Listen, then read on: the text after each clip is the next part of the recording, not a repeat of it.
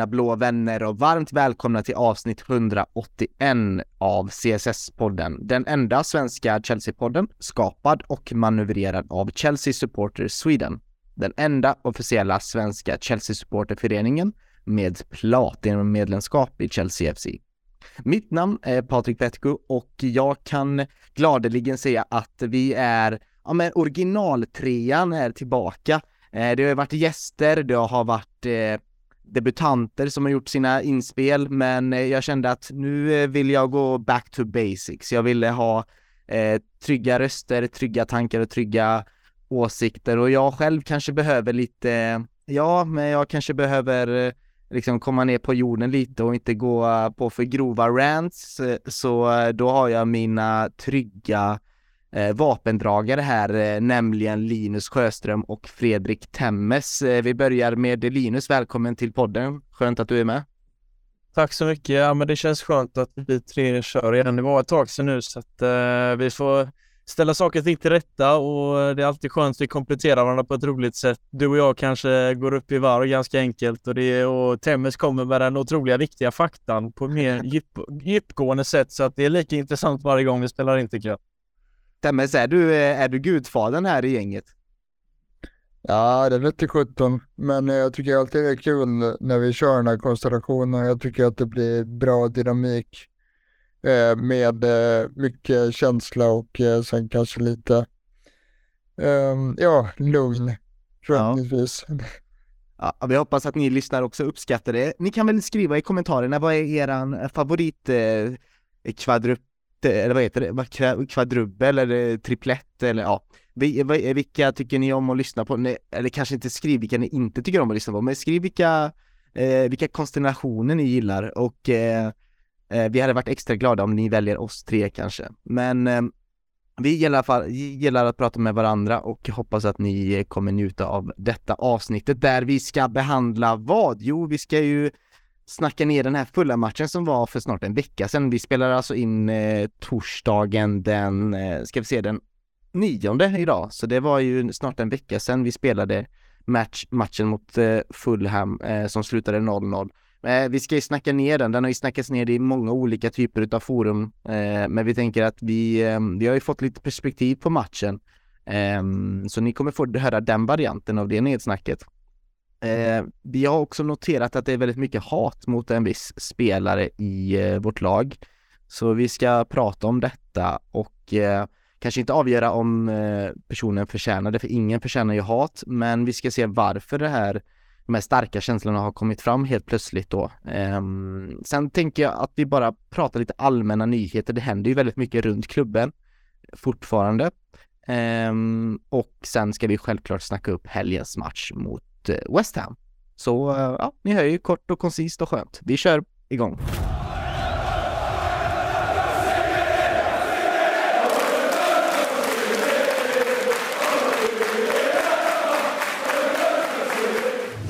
Eh, grabbar, jag måste säga att jag var så jäkla taggad på den här matchen. Alltså jag var, det var som att hela den här, eh, ja men mellandagarna, den här sorgen, den här deppiga liksom bakfyllan som det ändå kändes som, som var de här jobbiga omgångarna där vi ja, men inte vann och tappade poäng på eh, jobbiga sätt och mitten i ligan helt plötsligt och helt uträknade då eh, kan man väl säga då från Europaspel eh, var känslan då. Eh, sen kom ju det här januarifönstret som fick mig att bli helt ja, men galet exalterad. Det är som att man hade slängt in Patrik i en eh, godisbutik och Ja, det är väldigt, väldigt mycket stimuli fick vi Chelsea-fans så att säga, mycket endorfiner där av att eh, värva spelare. Det är intressant det som har hänt ändå med fotbollsfans, att man blir så jäkla taggad av värvningar. Det, det har hänt någonting där de senaste, eh, ja men 10-20 åren kanske.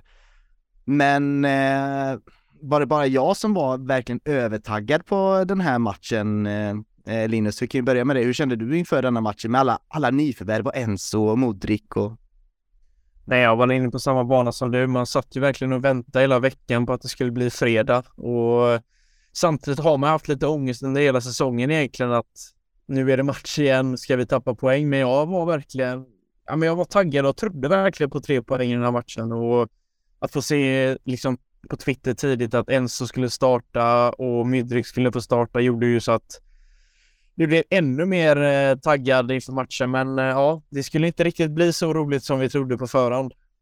Nej, det var ju rena rama antiklimaxen Fredrik, eller var det att ta i kanske? Nej, det var precis så jag beskrev det efter matchen på Twitter. Jag hade ju också sett fram emot den med tillförsikt, men enligt min erfarenhet så eh, det blir fan aldrig bra när man längtar för mycket efter en Chelsea-match. Alltså det, det är någon jinx som sitter i det där. För precis som er så var jag otroligt exalterad på att äh, få se våra nya värvningar äh, och liksom det nya Chelsea 2.0 därför att eh, det känns som att det var i och med det här fönstret som, äh, som det verkligen startade på allvar. Men eh, det blev ju antiklimaktiskt, verkligen. För eh, ja, spelet gick i stå, eh, gick i stå, det såg lojt ut. Det var ganska få som imponerade och vi tog ju inte vara på de få chanser vi fick och framförallt inte Kai Havertz igen. Och då blir det som det blir. Vi har ingen utpräglad och pålitlig målskytt i, i laget nu. Och, så det var, var ändå logiskt att det blev 0-0 tycker jag. Mm. Har ni tänkt på det nu? Det blir en liten parentes till detta, men fan, hur många spelare är det inte i intervjuer då som är, alltså i vårt lag som har sagt att ja ah, men fan jag passar bäst som liksom second striker precis bakom anfallaren. Alltså både Kai Havertz, eh, Joao Felix och Nkunku hade ju en sån intervju bara förra veckan. Alltså nu, vi kommer ju ha massa spelare på just den positionen som trivs bra bakom en striker, men vi har ingen striker. Nej, och det är det som är problemet också, att eh, det saknas ju verkligen slutfinishen och det var ju återigen Havertz bränner de här lägena som en målskytt ska sätta alla dagar i veckan. Även om det är nära vid vissa tillfällen så gör han inte målen riktigt. Det, det kommer ett mål då och då, men vi, han kommer ju aldrig nå... Ingen spelare som kommer nå 20 mål i Premier League. Det kan jag inte se framför mig, för jag menar, nu börjar säsongerna rulla på och det, det är inte hans första säsong längre och tiden är knapp och i Premier League att få chansen och den har han inte tagit och återigen så är det en match där han inte tar vara på sina chanser så att eh, jag ser hellre att vi får starta med Jean Felix där uppe. Det på något sätt blir en falsk nia men eh, Havertz, ja jag vet inte. Det, vi pratar ju alltid om honom och att vi är besvikna och så gör han mål i matchen efteråt. Köper sig lite tid men eh, ja, jag vet inte längre faktiskt. Det är det, vi kan väl, eh, vi kan väl bara eh, detaljstudera Havertz i denna matchen lite då eller göra någon slags analys utav honom och det är väl inte för mig är det absolut, ja han missar några lägen, han borde gjort minst ett mål borde han väl ha gjort eh, i denna matchen. Men det, för mig är det ju att det är att han ser så jäkla svag ut också i, i mottagningar, dålig första touch, eh, verkligen helt iskall ur form. Um, det är som att om mittfältarna eller ytter, uh, yttermittfältarna söker honom för ett, uh, ett tvåspel eller ett väggspel så han tappar ju bort bollen så fort han får lite press i ryggen så kan inte han liksom hantera det och äh, det är, eh, äh, det är skitjobbigt att se att det, det ibland känns det som att han är en av anledningarna till varför det inte flyter i anfallsspelet. Äh, men jag vet inte hur mycket man ska liksom klandra Havertz för det, Temmes. Jag vet att du har haft dina ah, både monologer och dialoger med oss här angående Havertz. Vad, har du liksom fått, eh, kan du sätta en stämpel på honom eh, än? Det är väl underväldigande i så fall. Jag hade otroligt höga hopp på honom eh, när han kom och jag har ju alltid tyckt mig se en höjd i honom men det, det lyfter liksom aldrig. Um, och jag vidhåller att han är ju ingen, ingen striker, ändå så likförbannat så spelar vi honom i den där nya positionen. Men grejen är också att det ser ju inte ens så alltså bra ut när, eh, när han spelar nummer 10. För det är precis som du säger att eh, första touchen är märkligt dålig. För det var ju det var en av hans styrkor i Berger att han hade en gyllene touch och, och kunde kunde liksom dribbla och ta sig överhuvudtaget och situationer. Men nu så, alltså hans hold that play så att säga är ju obefintligt också. Och det är verkligen märkligt att han, eh, att han inte har byggt på sig muskler efter så många år i, i England. Så ja, underväldigande och svag är väl tyvärr ett ganska bra epitet eh, som passar honom både, både fysiskt och eh, mentalt faktiskt. Och jag kommer ihåg, det var länge sedan nu vi pratade i podden, men jag var en av de få som lite kritiserade hans teknik. För det, det höll ingen med om, men jag tycker att även om det är, det är mycket slarv, jag, jag tycker fortsatt att hans teknik är, eh, den är lite för dålig faktiskt. Även om eh, i vissa stunder att han kan se briljant ut så tycker jag fortfarande att det är situationer där han inte kan lösa det på ett enkelt sätt. Han krånglar till det.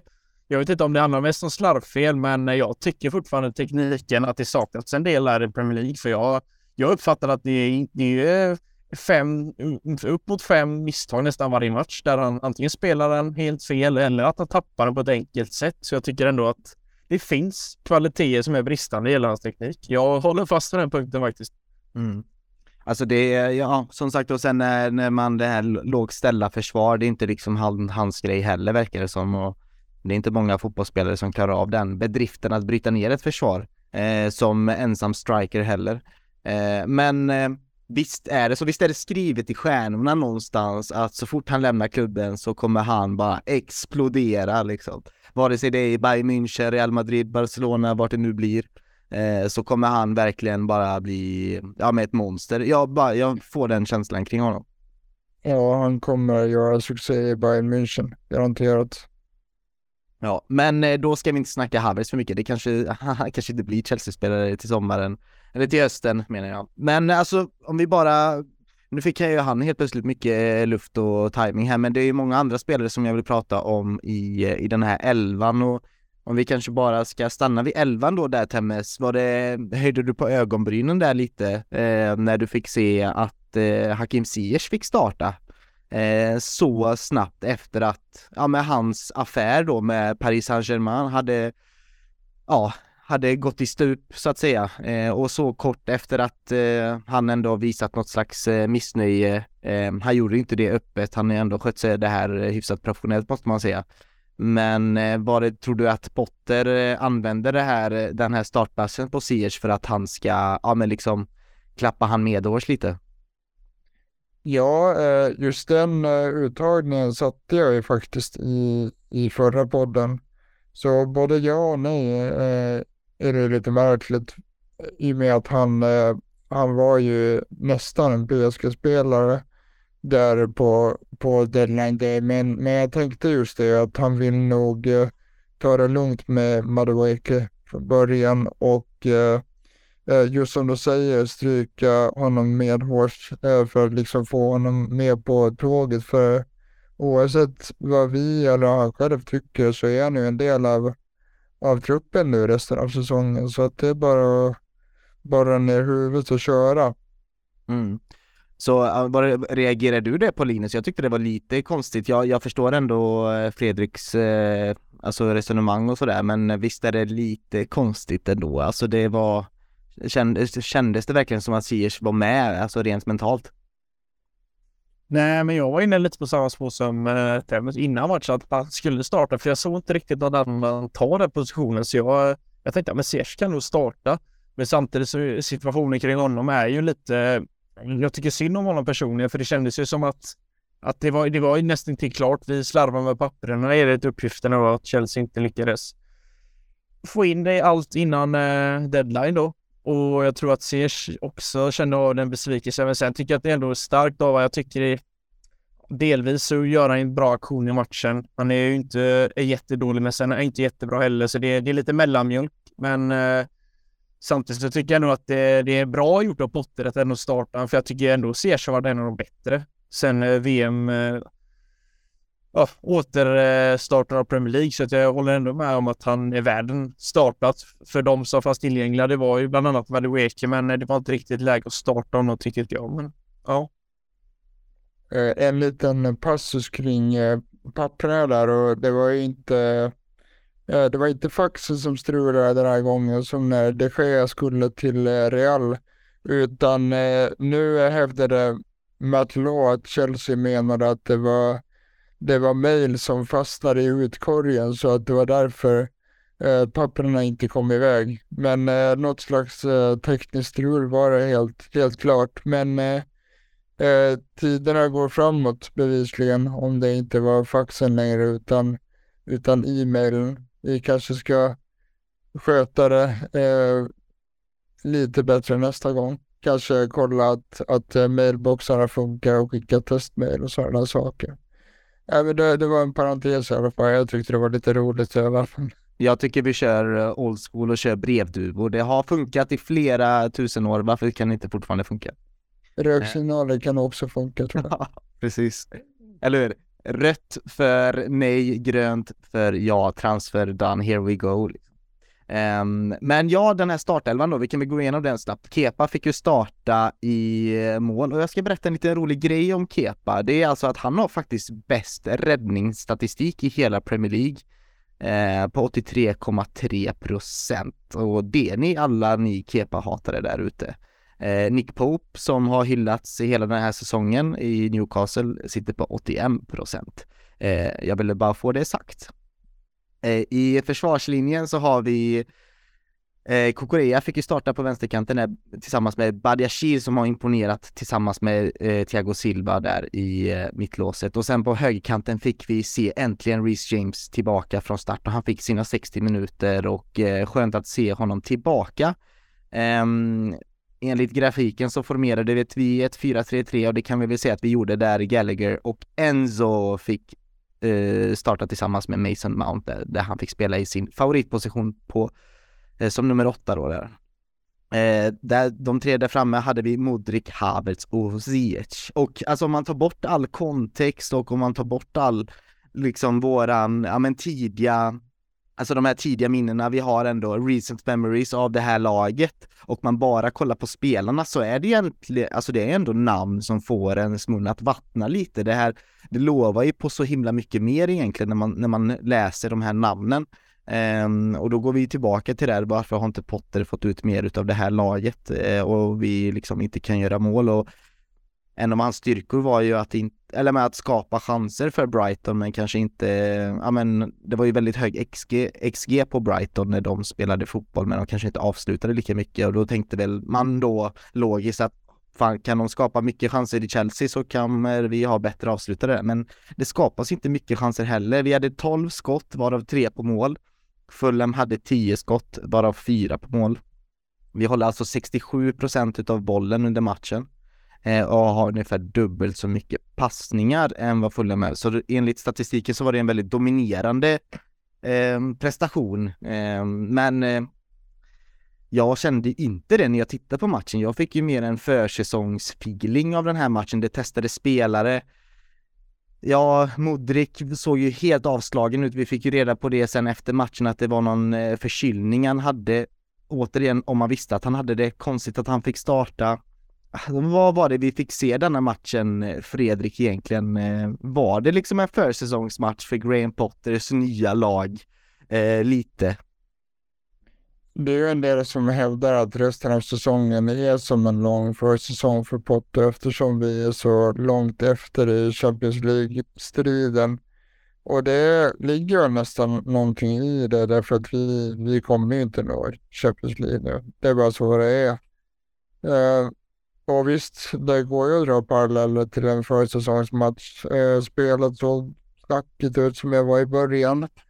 Eh, som jag sa i början. Och eh, det såg ju inte bra ut någonstans. Eh, det skapades inte chanser och som sagt så tar vi inte eh, vara på våra lägen. Och, nej, alltså återigen så var det ännu en sån här match där man kände att nej, vi kommer inte göra mål den här matchen. Och gör vi det så är det på en slumpsituation för vi skapar helt enkelt alldeles för lite klara lägen och när vi väl gör det så är det ingen som har skottskorna på sig så att säga.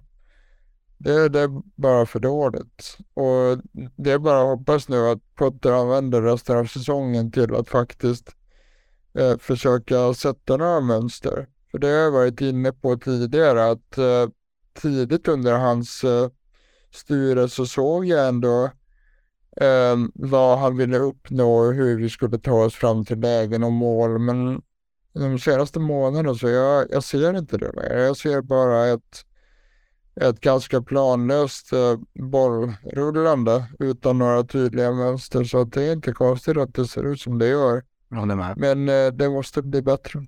Mm. Nej men visst är det så Linus, det är, det är inte mycket som tyder på det som händer på plan, att det, det sker någon utveckling.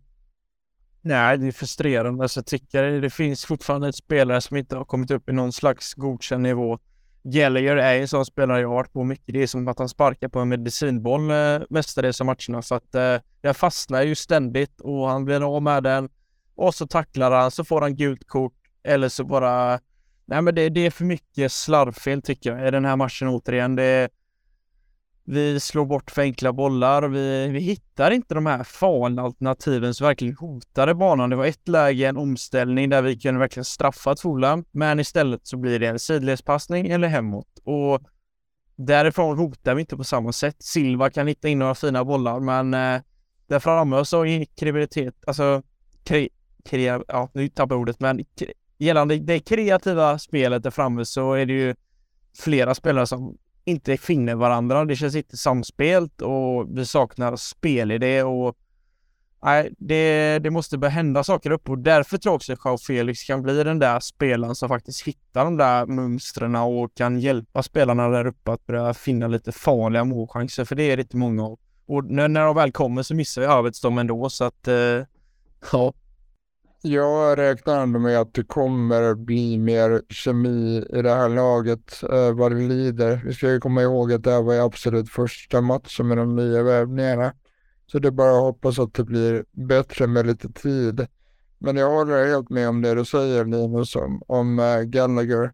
Det är frustrerande att se honom och han, uh, han tillför ju ingenting. Alltså vad, vad är han bra på förutom att löpa? Det gör ju liksom ingenting. Eh, kvaliteten är alldeles för låg. Och det var ju ett strukturellt problem med vårt eh, mittfält nu att åttorna, eh, just Gallagher och Mounter var ju alldeles för högt upp eh, tidigt i speluppbyggnadsfasen så att de, de deltog ju inte när vi skulle börja bygga anfall utan Mason Mount var ju faktiskt ute på eh, Modrics position i princip och, och pressade ut honom till eh, eh, till sidlinjen i princip. Så det var, det var väldigt märkligt att de eh, tryckte så högt upp i planen eh, redan tidigt. Mm. Och det... Det, det, var, det var särskilt eh, frustrerande detalj. Och det, det var någonstans eh, då, någonstans verkligheten slog mig, eller jag, jag kom ner på jorden och jag började se hur, hur vi spelade egentligen. All den här hypen som jag hade inför matchen försvann väldigt fort alltså. Det för att jag insåg att, åh oh, herregud, det, det, är inte bara att slänga ihop ett par eh, fina fotbollsspelare in i elva och sen spelar vi fo fin fotboll. Det, det, krävs ju utveckling, det krävs ju arbete och det krävs ju tålamod framför allt. Så jag, jag håller med dig. Jag tror ju också att det, det kommer se bättre ut med, med tiden som går och framförallt att, eh, att spelarna känner ju knappt varandra. Alltså det, det, vi måste komma ihåg det. Vissa har ju bara haft eh, ja, med enstaka träningar, vissa har väl bara tränat med laget eh, två, tre veckor. Eh, ja, det är ett helt nytt eh, lag framför våra ögon så även fast eh, vi känner frustration och att vi inte kommer till lägen så ja men det här eh, kommer ta tid. Men ja, det är ändå en grej som jag vill stanna här då som kanske inte har med matchen att göra då eh, rent specifikt men det är ju där Alltså Potters styrka är ju alltså bra tränare överlag, om du frågar mig vad en bra tränare är, eh, nu håller jag detta väldigt rudimentärt och väldigt enkelt sådär, en bra tränare kan förklaras på väldigt många olika sätt och då går det säkert att skriva böcker om detta, men någonting jag brukar tänka på det är att ta, alltså att få mediokra spelare att se bra ut. Eh, eller att få, ja men få spelarna att eh, prestera över sin egna förmåga kanske. Eh, och det var ju, var ju synonymt med Potter i Östersund. Och det var synonymt med Potter också i Brighton. Och någonstans när eh, Potter tog över där efter Tuchel tänkte jag, ja men det ska bli spännande att se vart vi är om fyra fem månader. Vilken spelare har, liksom vilken är vår most improved player? Vem kommer ha utvecklats mest under Potter eh, sen dess? Eh, och eh, liksom den enda spelaren som jag känner behåller någon slags hög form, det är ju ändå Thiago Silva och det, det känns inte tack vare Potter direkt. Eh, Linus, känner du att du kan hitta någon spelare som Potter har gjort bättre sedan han tog över? Nej, det kan jag inte göra. Ja, men det är La Silva i så fall, men det känns ju att en 39-åring eh, ska vara den spelaren som vi sitter ganska självklara med att vi tycker att det är en spelare som verkligen har lyft. Men det är också att han, eh, spelarna vid sidan av honom har ju inte presterat på en godkänd nivå och han är ju egentligen den enda jag ser i den här startelvan som verkligen ja, men man kan verkligen lita på honom och Badia Chile är ju också en trygg punkt, men det är ju tack vare Silva. Mycket bygger på att det är Silva som eh, där bak som styr och ställer. Jag tror inte det är Badia Chile, men eh, ja, det är för många som underpresterar så att Silva blir verkligen högt rankad eh, gällande prestationer för att eh, någon annan ser jag faktiskt inte. Kepa till viss del, mm. men eh, han har gjort svaga ingripande också som har lett till mål så att jag vill inte riktigt lyfta honom på det sättet med viss, en viss förbättring på Kepa, men annars så är det mediokra spelare. Har de nästan gått ner till eh, än att vara de här stjärnspelarna, för jag har inte sett så mycket stjärnglamour de senaste månaderna på planen. Är det, Fredrik, kan det vara någonting som eh, men kan det vara en anledning varför det har börjat dyka upp sådana här Luis Enrique-rykten helt plötsligt, även fast de är väldigt befängda och sånt där. Men tror du det kan ligga något i, i eh, att det kan vara en anledning till varför ryktena dyker upp och inte kanske bara resultaten? Anledningen är väl eh, prestationerna överlag och det är ju eh, absolut så att han, eh, han inte får ut eh, max av, av spelarna. Eh, det är just eh, typ Kepa jag skulle lyfta fram då. Eh, hans transformation har ju varit remarkabel ändå. Han låg väl på runt 50 procent i räddningsprocent när det när det var som sämst. Men med det sagt så han har ju fortfarande sina brister och dundertabbar och sådana där saker. Men nej, Potter måste, måste göra det bättre nu och jag, jag vill ju att, att vi ger honom tid, men om man tittar nyktert på saken så det finns ju ingenting på, på planen i Chelsea nu som får mig att backa Potter, utan anledningen att jag fortfarande tror på honom, det är ju liksom tack vare gamla meriter, det vi har sett i Östersund och, och Brighton. Eh, för som han har presterat eh, hos oss så är det alldeles för, för dåligt fortfarande. Ja, och eh, ja, vi får se helt enkelt vad detta kan eh, utvecklas till. Eh, jag väljer fortfarande att tro på Potter och eh, tro på att det ligger en fotboll, eh, vad ska man, mastermind i honom. Eh, sen om man kan få bet på laget eller inte återstår att se. Men tillbaka till matchen och kanske den spelaren som jag såg fram emot mest att se då, det var ju Enzo Fernandes och fan vad den låten är bra som Chelsea när de eh, gjorde liksom presenterade honom. Och de har släppt den i lite längre version nu och eh, ja, den går fortfarande på repeat hemma hos mig. Jag är väldigt förtjust i den. Um, men eh, alltså enligt Whoscored så, alltså han fick ju bäst eh, betyg i laget och jag kan egentligen bara hålla med. Han ser otroligt trygg ut med bollen, eh, fina passningar, bryter bra bollen, läser spelet, eh, väldigt nyttig mittfältare. Fan, det hade varit gött att se han jämte någon lite starkare, typ en Obi Mikkel eller en eh, eller Conti eller ja, Declan Rice om vi får drömma lite. Eh, då tror jag vi hade fått se ännu mer av honom, men det var kul att innan vi går in på hans eh, generella prestation så fastnade jag lite vid en grej du sa där Fredrik eh, i våran lilla ja, men, eh, gruppchatt där. Du sa att du hade hellre velat se honom lite högre upp i banan eh, och jag till en, eh, i början tänkte jag, men jag tycker han passar bra där, liksom där sexa, liksom dubbelsexa, men fan när jag tänker efter så han hade gjort sig väldigt bra i till exempel Gallaghers position. Det hade han definitivt gjort. Ehm, jag tycker inte man får ut max av hans eh, kreativitet när han blir begränsad på det sättet. Eh, med det sagt så, så gjorde han det väldigt bra i nummer sex-rollen. Eh, lite av en eh, Jorginho 2.0 kan man säga. Han gjorde, han gjorde samma saker fast bättre och var ju precis eh, brytningssäker som du säger. och vann ju höjddueller till och med och sådär. Eh, det enda jag inte riktigt gillade med det var att jag tyckte att han hamnade ganska mycket i passningsskugga.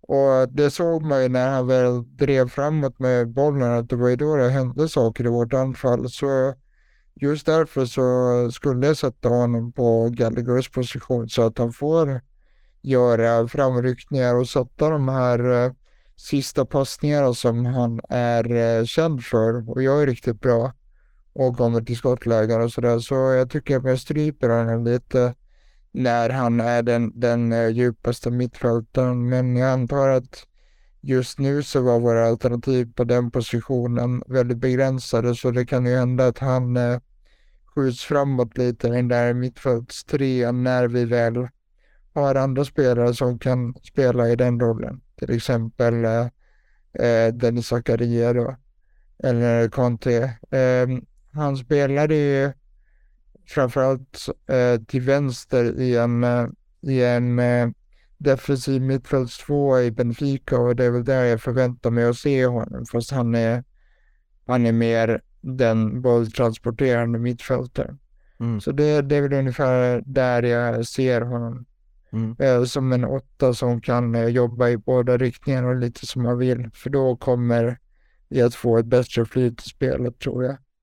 Ja, jag håller med, men jag skulle också vilja se, jag har inte ont av att se han djupare in i banan för att eh, det känns väldigt tryggt att se honom diktera tempot också eh, faktiskt. Eh, att vara den här, ja, det som Jorginho har varit för oss väldigt länge nu. Ehm, och vi har spelat på det sättet väldigt länge nu så, men vi får se vad, vad laget har eh, att erbjuda honom i framtiden och om det kan eh, utvinnas en taktik kring honom kanske då eftersom han kommer kanske bli någon slags spindel i nätet i, i detta laget.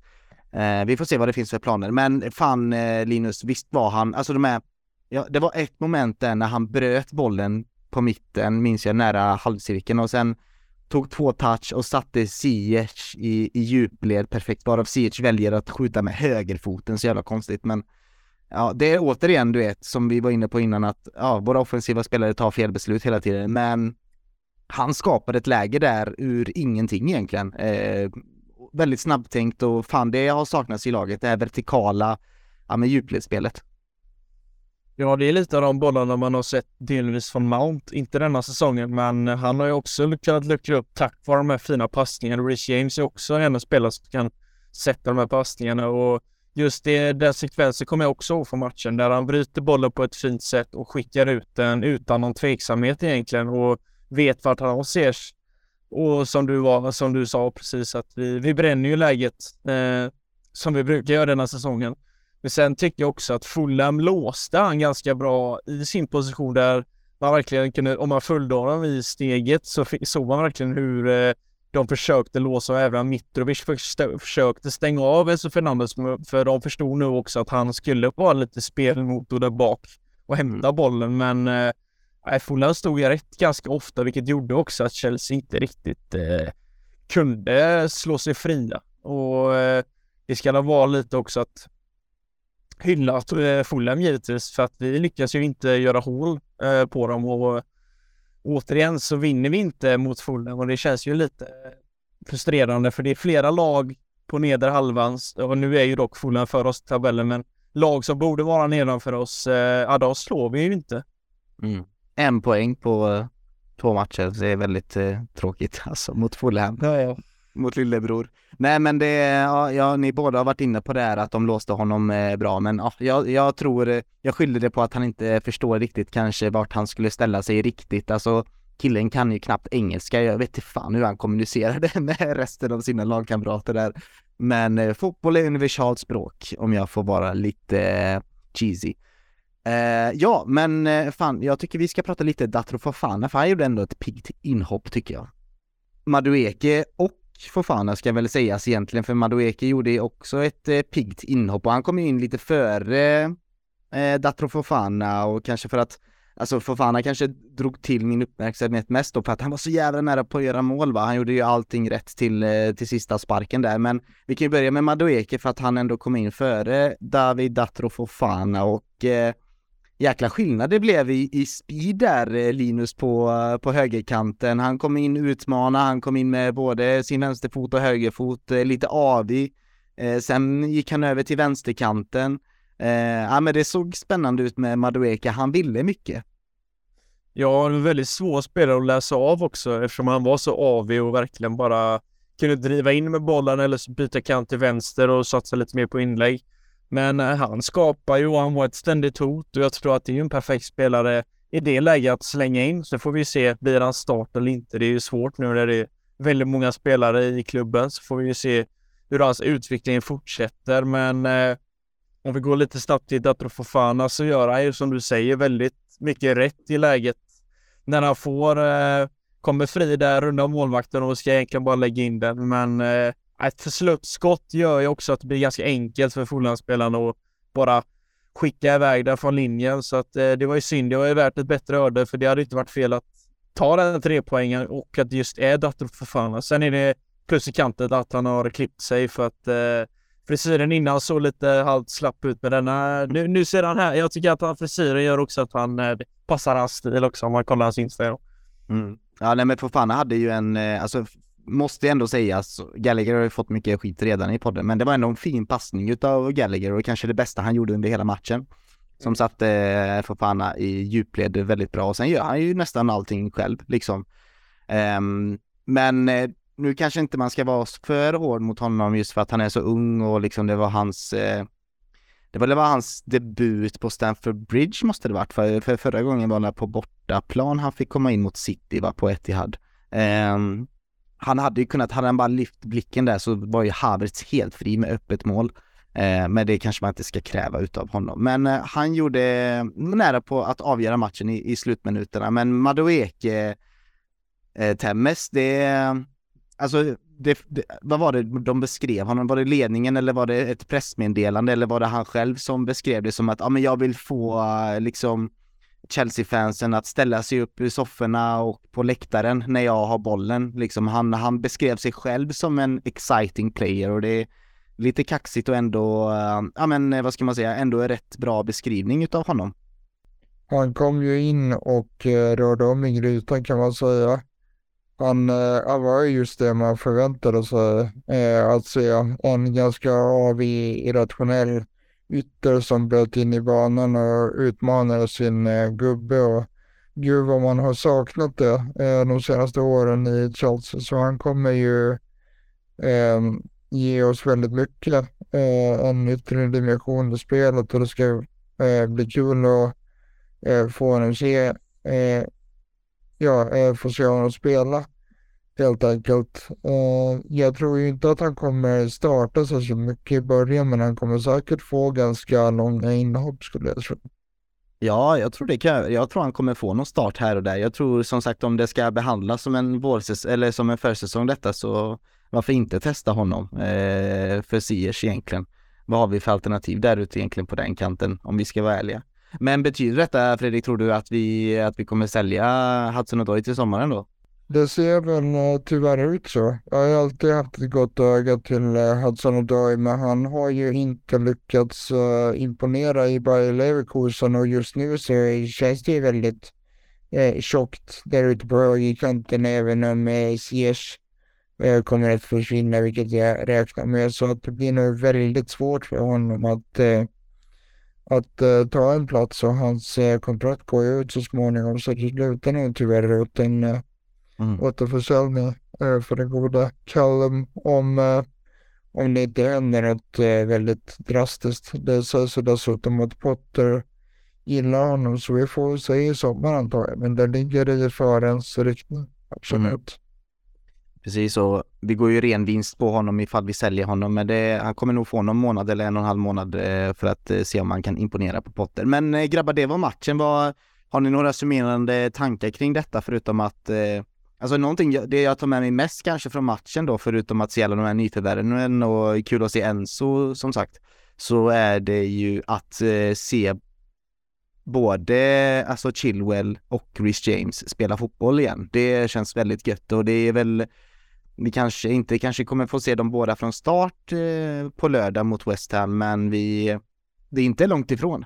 Nej, det börjar brännas. Samtidigt så tycker jag man eh, verkligen ska eh, och skynda långsamt med de två och inte överspela dem. Jag, jag blev lite nervös när eh, Reece James faktiskt startade och gudskelov så klarade han de 60 minuter som han fick. Men vi, vi måste vara försiktiga nu så att de inte slår upp några skador igen.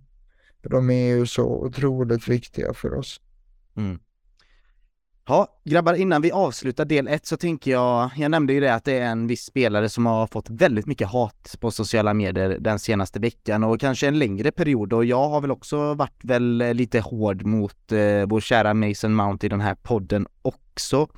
Och jag har väl eh, beskrivit honom som en eh, lite gullegris bland oss Chelsea-fans och jag tycker att han kommer undan lite skit och sånt där men eh, jag har väl själv blivit påmind kanske om hur eh, ja men hur jäkla professionell ändå Mason Mount har, eh, har varit och hur mycket klubbhjärta han har visat eh, oss och liksom eh, tålamod med sitt egna kontrakt och ja, och han verkligen sätter laget först får man ändå känslan som. Och även fast hans prestationer inte har varit de bästa så har han ändå Ja men det finns, det finns någonting i hans ögon, det finns en frustration, finns en vilja, han ser inte uppgiven ut, det ser inte, han ser inte vad ska man säga, apatisk ut inför uppgiften utan det, det märks att han försöker men det är hatet Linus som Mason Mount har fått, eh, ja men framförallt på Twitter då eh, och eh, ja men lite media också. Vad, hur reagerar du på det?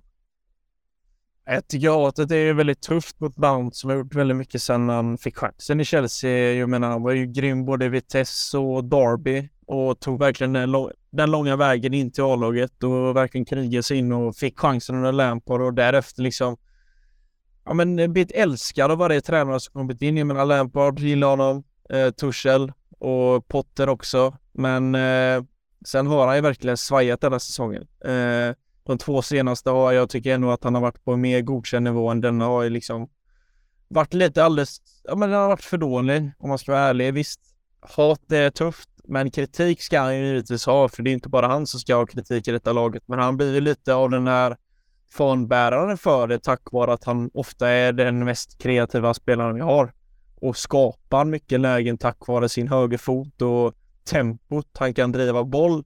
Men det har han ju verkligen inte gjort denna säsongen och det, det skadar ju också våra offensiva, ja, men offensiva idéer och eh, spel ja, men spelsituationer, eh, det har ju också mycket på grund av att Mount inte har lyckats hitta ytorna han brukar göra och det ser vi också resultat på. Vi har inte gjort många mål i år och Mount brukar ändå göra en del assist och en del mål och det har han inte gjort eh, denna säsongen så att eh, det är tufft. Hatet eh, tycker jag bara är löjligt och det är lite det här med som Liverpool har med Trent Alexander-Arnold att det, man går hårt mot sina egna spelare för att man nog gillar dem egentligen väldigt mycket och vilket gör att man verkligen vill att de ska lyckas. Men eh, sen gillar rivalerna att se att det går dåligt för en Mason Mount. De har vunnit Champions League med sitt Chelsea och har fått, fått uppnå fina saker med klubben men just nu går en ganska tuff väg till mötes. Men jag tror att eh, det saker och ting kommer vända och Mount är en bra spelare, det vet vi alla. Så att eh, hatet ska vi bara egentligen blunda för, men kritik kan ha.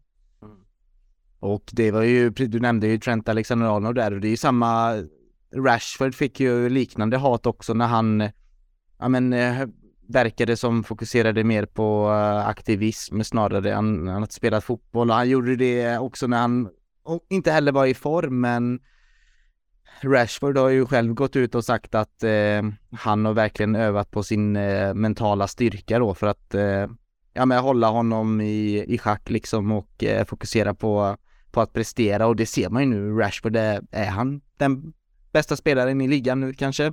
Eh, om inte annat den bästa anfallaren i alla fall. Jag kanske håller Ödegaard som MVP denna säsongen än så länge, men ja, vad tycker du Temmes? Är vi lite för, eller är Chelsea-fansen lite för hårda eh, mot Mason Mount? Det ligger lite i det Linus säger, att man är lite extra hård mot eh, dem man håller, håller sig kär. Det gör det nog. Och det är definitivt fel att uh, hata honom. Men man kan ju kritisera honom. Han har definitivt inte varit bra på länge och borde kanske inte ha vunnit Player of the Year förra säsongen. Uh, I min bok. Hans uh, poängskörd var ju bra då med. Men uh, redan då så märkte man att hans prestationer gick ner. Hur som helst så han har ju varit en eh, polariserande spelare ända sedan han eh, kom in i truppen. Det finns de som verkligen hatar honom och det finns de som hyllar honom eh, till skyarna för ingenting. Det finns liksom ingen ingen nyans och inget mellanläge utan antingen så älskar han henne eller hatar henne. Eh, och det finns ju olika teorier till det. Det, det har varit snack om Lampards son och eh, det finns en del utländska Youtube-kanaler som driver den här tesen med English bias och sådär. Eh, menar att, att eh, medierna skyddar honom just för att han är engelsman. Eh, det är väl inte så konstigt om, man, om det finns någon slags eh, favorisering till engelska spelare eftersom Chelsea trots allt är en engelsk klubb. Eh, men som sagt, det, det, finns liksom ingen, ingen nyans kring, kring eh, Mount överhuvudtaget. Och det är väl det som, det som gör det lite också, att eftersom hans, eh, hans förespråkare är så pass högljudda och extrema i sina åsikter så, eh, så går det kanske ut över Mason Mount också. Men eh, summa summarum så jag tycker absolut inte att, att man ska hata honom. Det, det är bara löjligt. Däremot så eh, ligger det någonting i att han absolut måste höja sig. För det, det vi ser nu och det vi har sett ett tag, det är inte, inte tillräckligt bra. Jag tror att eh, de här utdragna eh, kontraktssamtalen faktiskt spelar in på hans prestationer. Ja, och sen tycker jag lite, Patrik nämnde ju det med kontraktet då, att han har visat en proffsig sida, men samtidigt blir det lite också ett irritationsmoment för oss fans. Att det är att han vill ha mer betalt, det köper man ju.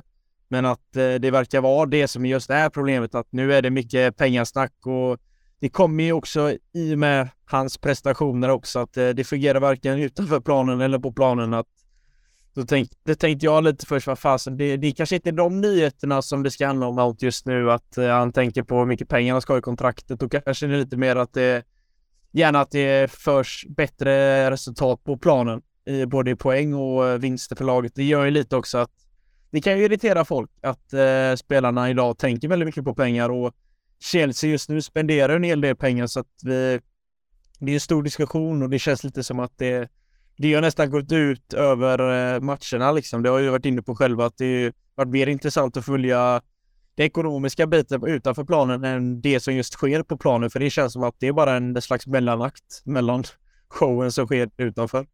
Ja, det är en bra poäng faktiskt. Men eh, tror du, tror du att han ångrar lite att han inte skrev på ett nytt kontrakt eh, tidigt i somras när det ändå fanns en liten lucka för det? Um det tror jag absolut, för det där hade ju varit en lättnad både för Chelsea och han själv, att man kan lägga det åt sidan och helt bara fokusera på ligaspelet och göra bra för sig. För nu sitter han i en situation där det är lite jobbigt att helt plötsligt har det kommit in väldigt många spelare. Och även spelare som hota, kan hota hans position och hans eh, liksom plats i laget. Så att jag tror också att det har försämrat situationen ja. kring kontraktet. Så att eh, ja, det... Men dels det, jag tänkte också på det här just eh, alltså hur mycket han vill ha betalt då. Alltså det, det var ju, det, det kändes som att Todd Bowley innan eh, Vivell och ledningen kom in så var de ju mer benägna att ge, ja men spelarna, Sterling fick ju ett jättebra kontrakt eh, så att säga. Ehm, jag tror, tror inte han sneglar över, för nu verkar det ju som då, om man ska lita på de här ryktena, att han erbjuds kontrakt som är väldigt lik, ja med de här värvningarna som vi gjort i vintras liksom. Jo men så är det och samtidigt så ser jag ju Mount längre i klubben än vad jag ser Sterling så jag menar bättre kontrakt kommer han ju få med tiden. Han är ju ung, han är ju 99 som jag. Jag vill ändå säga att han är ung då.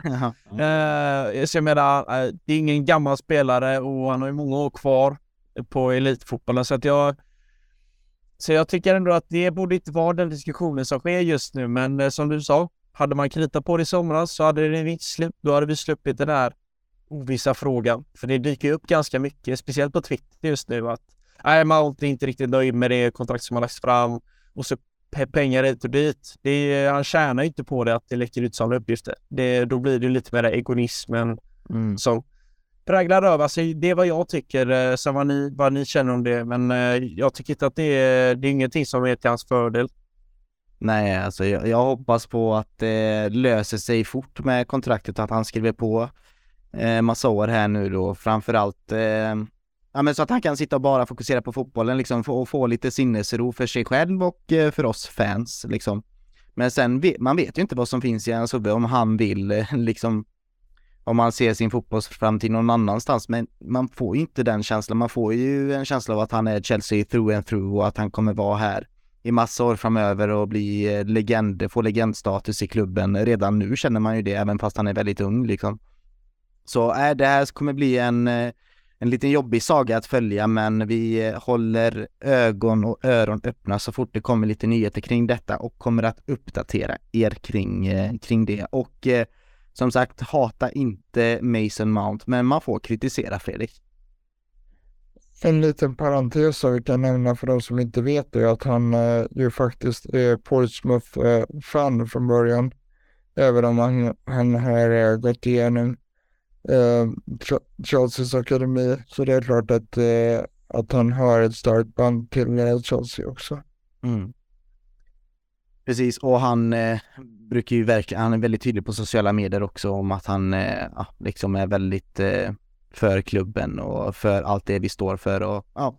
Så nej, han, eh, han ska vi göra allt för att behålla, så jag hoppas att eh, Boli och Egbali förstår vikten av att eh, ha fa fanbärare i klubben och de visade det med Reece James och jag hoppas att de kan visa det för Mason Mount också. Um, ja, jag tycker vi hoppar över till del två och pratar lite allmänna nyheter om eh, vårt kära Chelsea.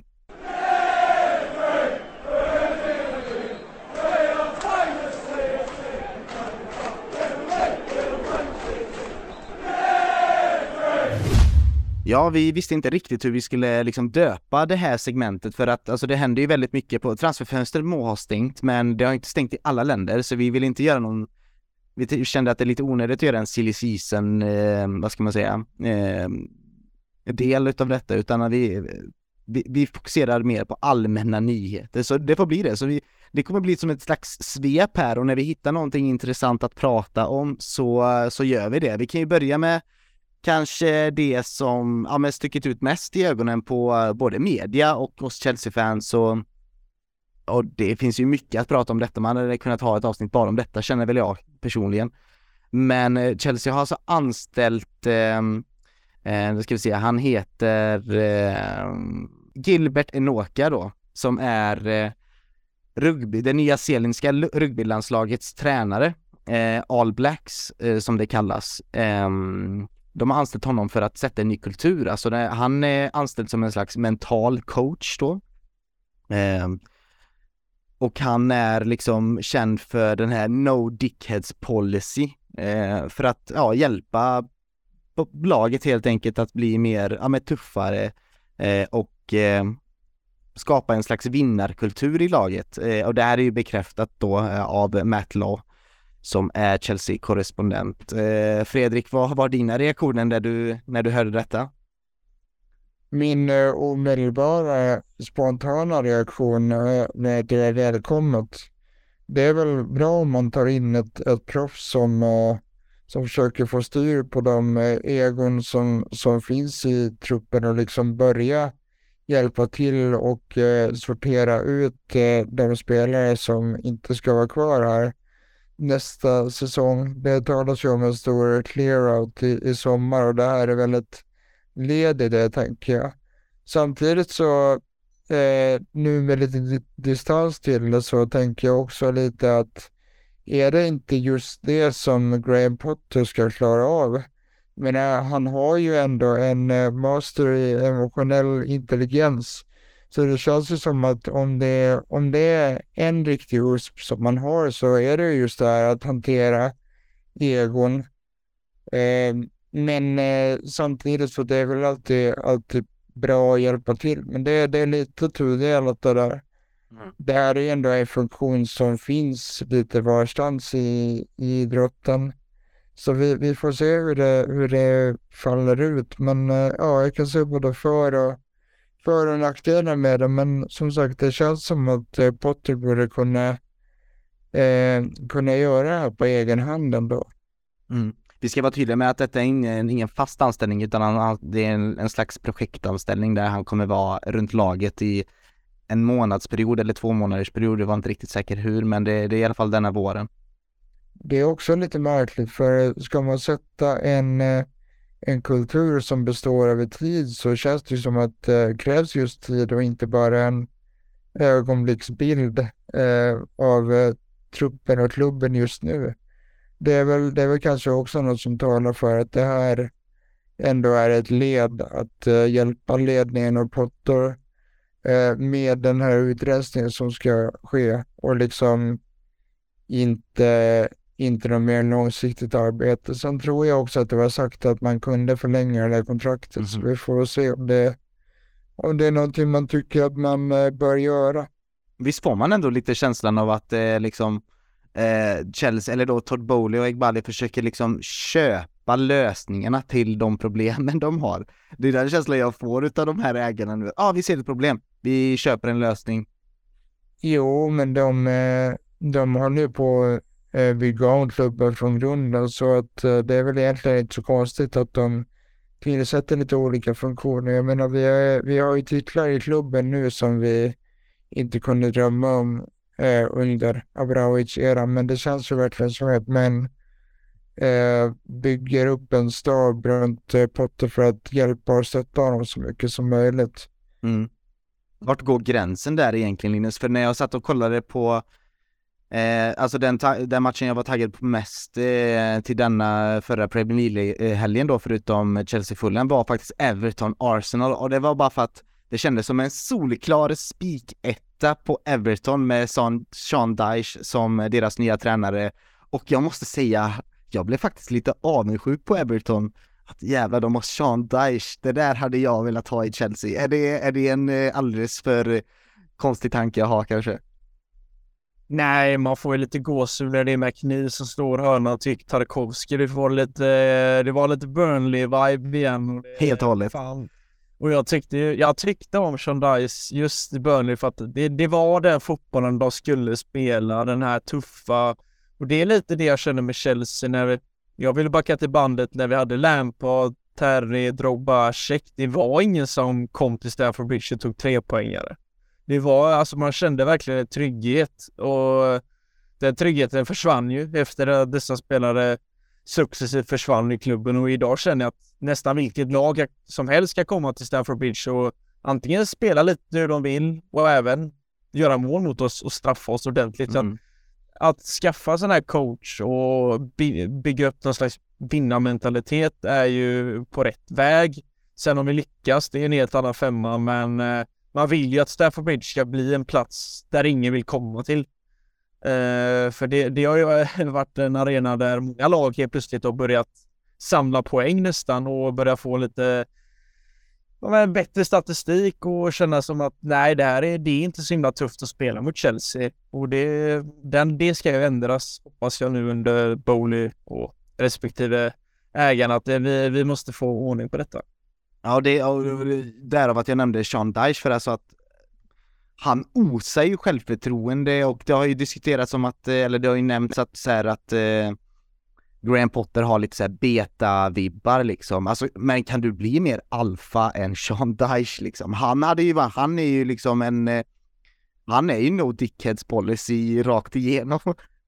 Ja, och jag undrar nästan om man skulle kolla hur långt han nästan sprang och rörde sig under matchen. För han var fan med varje spark Everton eh, hade i matchen. Han levde verkligen in och det är det jag lite saknar med Potter. Eh, det är lite den här Ancelotti och bara rynka på ögonbrynen och sitta på bänken och men de här, han gör ju väldigt många tummen upp till spelarna. Det, det är någonting jag har lagt märke till i matchen. Han alltid en tumme upp när det är gjort något bra eller inget mer än det egentligen. Det, man ser aldrig liksom som Tuchel att det är armarna ut och man ja. Jag tänkte på det speciellt när, när, med Werner där när han skriker till Werner att eh, du gör helt fel. Det, det gör inte Potter. Den aktiva matchcoachingen har han fått kritik för och jag hoppas lite att där måste han också lite tända till för att det finns spelare där som behöver få sig en avhyvling eller två under matcherna tycker jag. Mm. Jag tycker det är väldigt tråkigt med så här sofistikerade tränare som bara spelar schack liksom och alltså jag inte, jag gillar när de är aktiva på sidlinjen och det är ju därför jag är svag för Alltså Mourinho-typen, Tuchel-typen och, och sådär, även fast, alltså Ancelotti gjorde det med klass liksom. Men Potter är ju ingenting och Alltså jag vet inte, Guardiola sitter ju bara och leker med sitt saliv hela jävla tiden och liksom kliar sig i, i huvudet. Eh, ja, men så jag vet inte om jag hade klarat av att ha Guardiola i mitt lag heller. Det hade varit skitjobbigt. Men ja, vad, ehm, vi sätter streck över den här nyheten. Vi får se om det kan bli lite bättre jävlar anamma i detta laget. Om, och, och inte bara att laget lär sig någonting, men Potter kanske lär sig någonting utav eh, den här All Blacks-tränaren då som heter eh, Gilbert Enoka. Alltså jag vill säga Gilbert, jag tycker det är bättre att säga det på franska, det känns mer naturligt. Men ja, vi hoppar över till nästa nyhet och det är att eh, en nyhet som glädjer mig väldigt mycket och det är att Aubameyang ser ut att lämna eh, Ehm, Chelsea då för eh, MLS då och eh, mer specifikt till Los Angeles FC. Eh, ser ut att vara ett lån där vi står för hela, ja men vi står för hela lönen Fredrik. Jag har ju kritiserat den här värvningen från dag ett, eh, så det vore ju välkommet eh, om han försvinner, i synnerhet nu när man valde att exkludera honom ur eh, Champions League-truppen och det känns ju inte som att han eh, eh, tar det särskilt väl. Samtidigt så är det väldigt tunt på anfallspositionen eh, eh, då. Och saken är att han kommer ju kunna flytta men frågan är om han eh, kommer kunna spela på ett tag. Eh, det beror ju på eh, att han redan har spelat för oss och Barcelona den här säsongen. Och enligt Fifa-reglerna så får man visserligen eh, registreras för tre klubbar men bara spela officiella matcher för två under en och samma säsong. Men det som är intressant med just MLS är att det finns ett eh, undantag till den här eh, artikel eh, 5.3.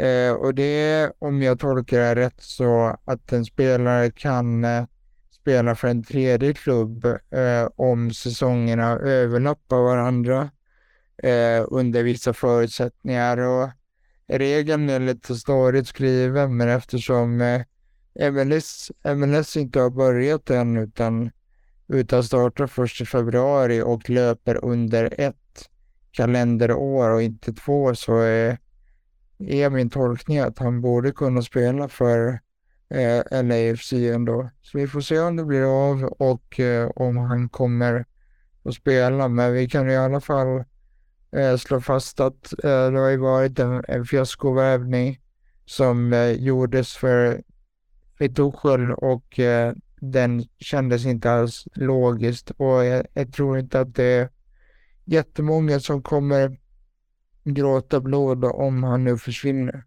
Inte alls och jag, jag skiter nästan fullständigt om vi betalar hela hans lön. Alltså det är nästan betala för att han ska dra känner jag helst. För man vet ju aldrig med spelare som inte är uppskattade heller utav eh, fansen eller eller eh, liksom tränaren, det, de kan ju lätt sprida negativitet eh, bland spelarna och sånt där och det, det förs ju vidare. Det är ju liksom, det kan ju växa som svamp. Så det är lika bra att skeppa iväg om det finns möjlighet. Um, Linus, no, någon kommentar överhuvudtaget eller ska vi gå vidare?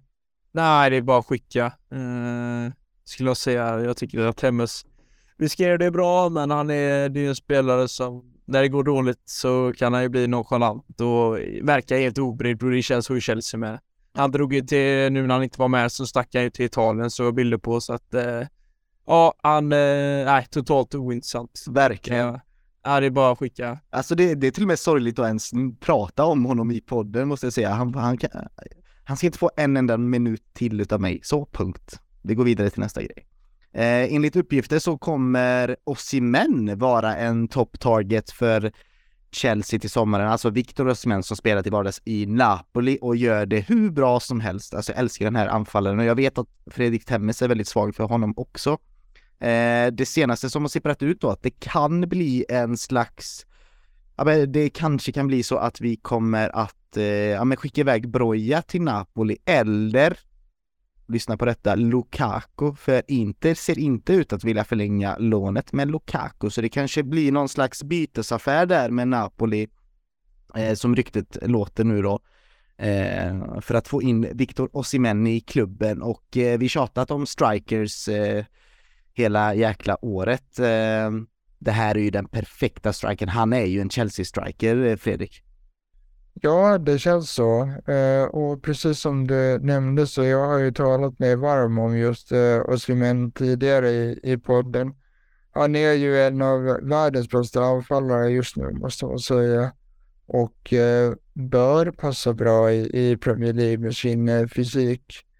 Eh, jag noterar nu till exempel att han, eh, han slog eh, eh, Ronaldos rekord i eh, eh, vad gäller språng till nick. Det var alltså ännu högre än vad, än vad Ronaldo gjorde när han rekordnoterades. Var det mot Juve möjligtvis? Ja, var det, du menar i Serie A va? Eller i... Nej, det, det var överlag tror jag. Eh, Jävlar. Värld, världens högsta språng. Eh, I alla fall så, eh, Osimhen lär ju bli svindyr.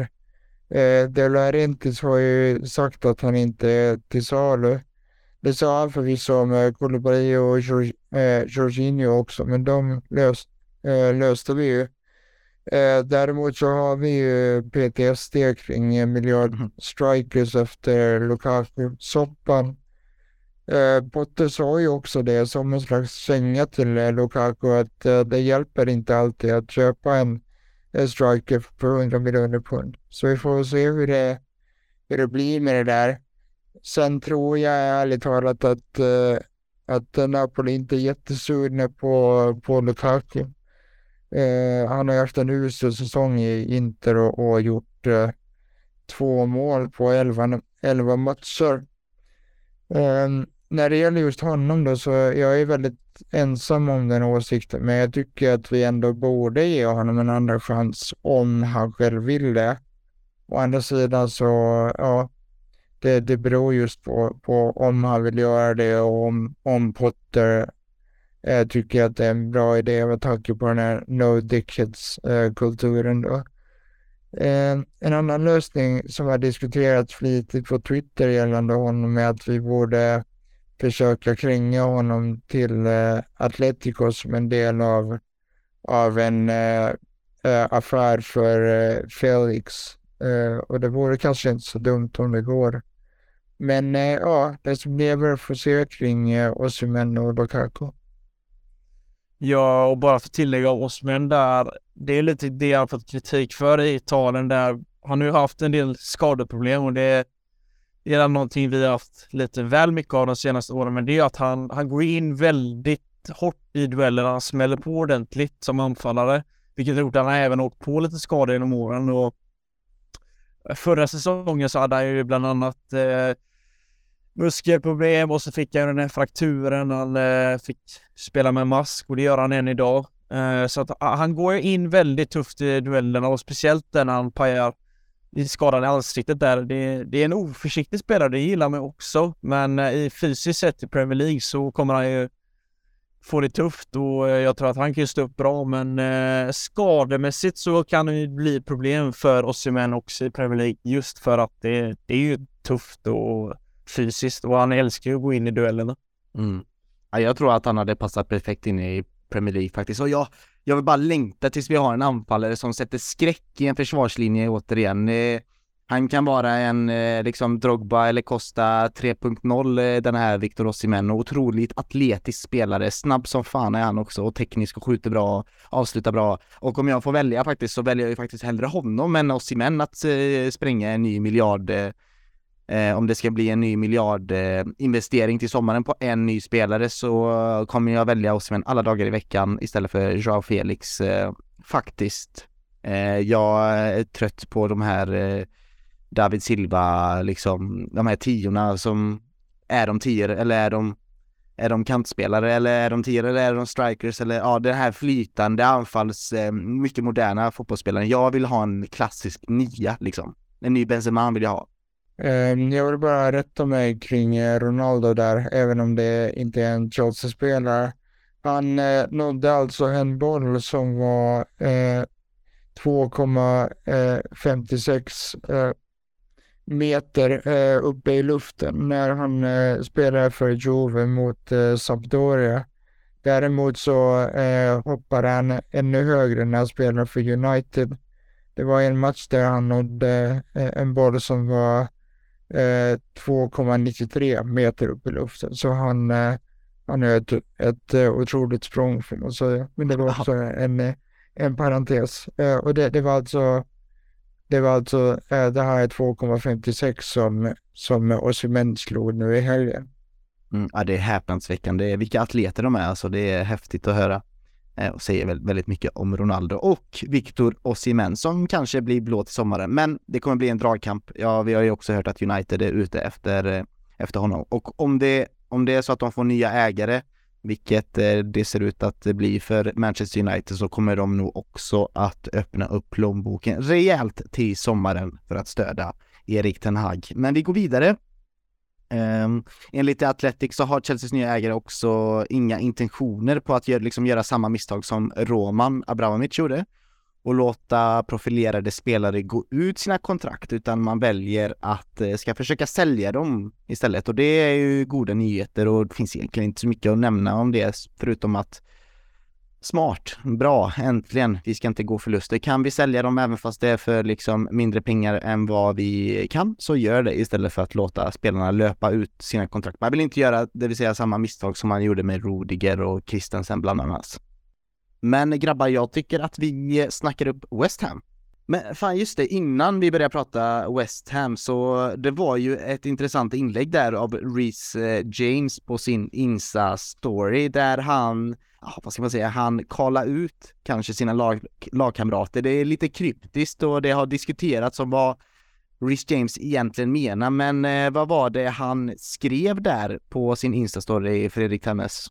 Han skrev uh, If you got to persuade them to help carry the bricks, they aren't the ones to build with.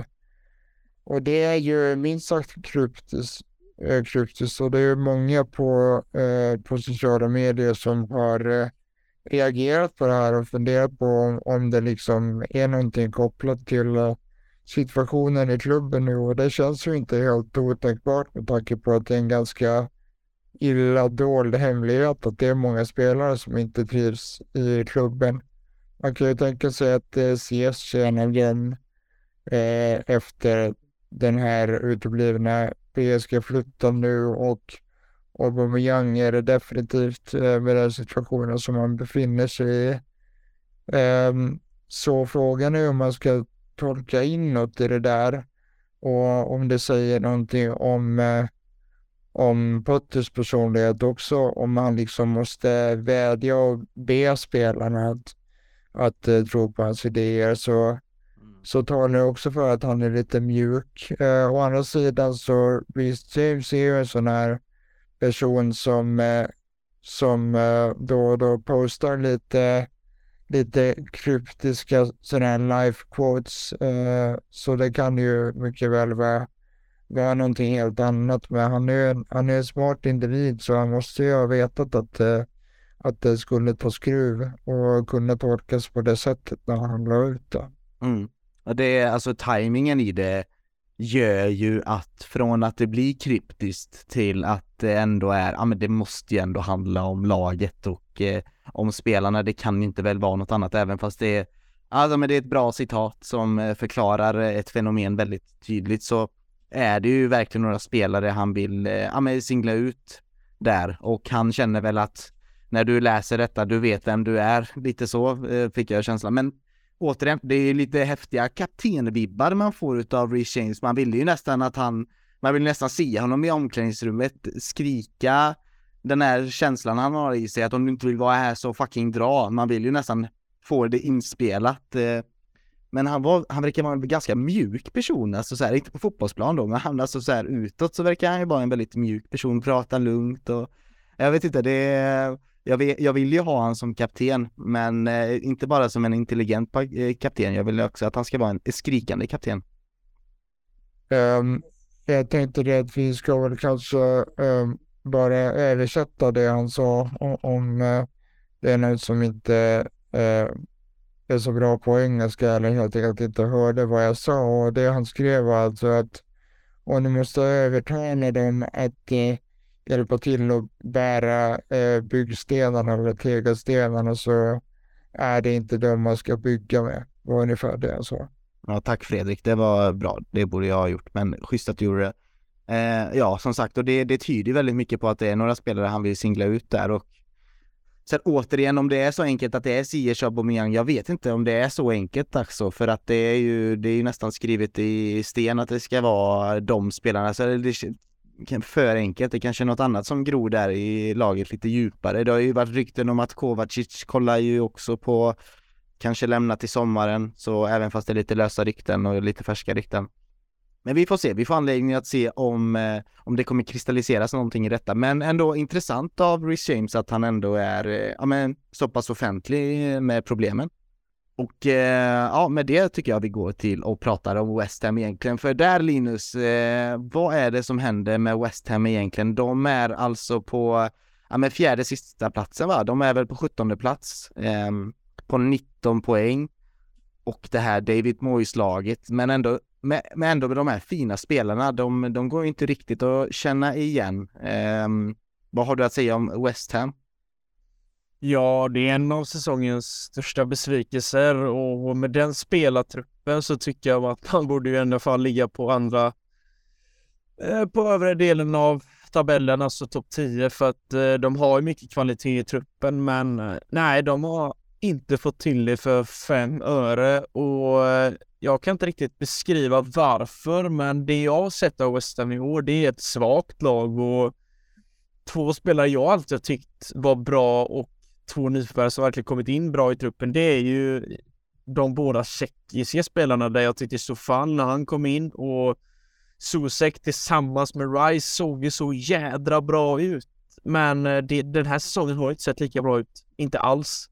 Och sen tycker jag att deras anfallare, de, de är inte på en godkänd nivå heller, lite som vi har. Att det är för lite mål som görs. Jag menar, Skamacka kom in från Sassuolo i somras. En ung italienare med högt självförtroende. Man vet ju själv där eh, mm.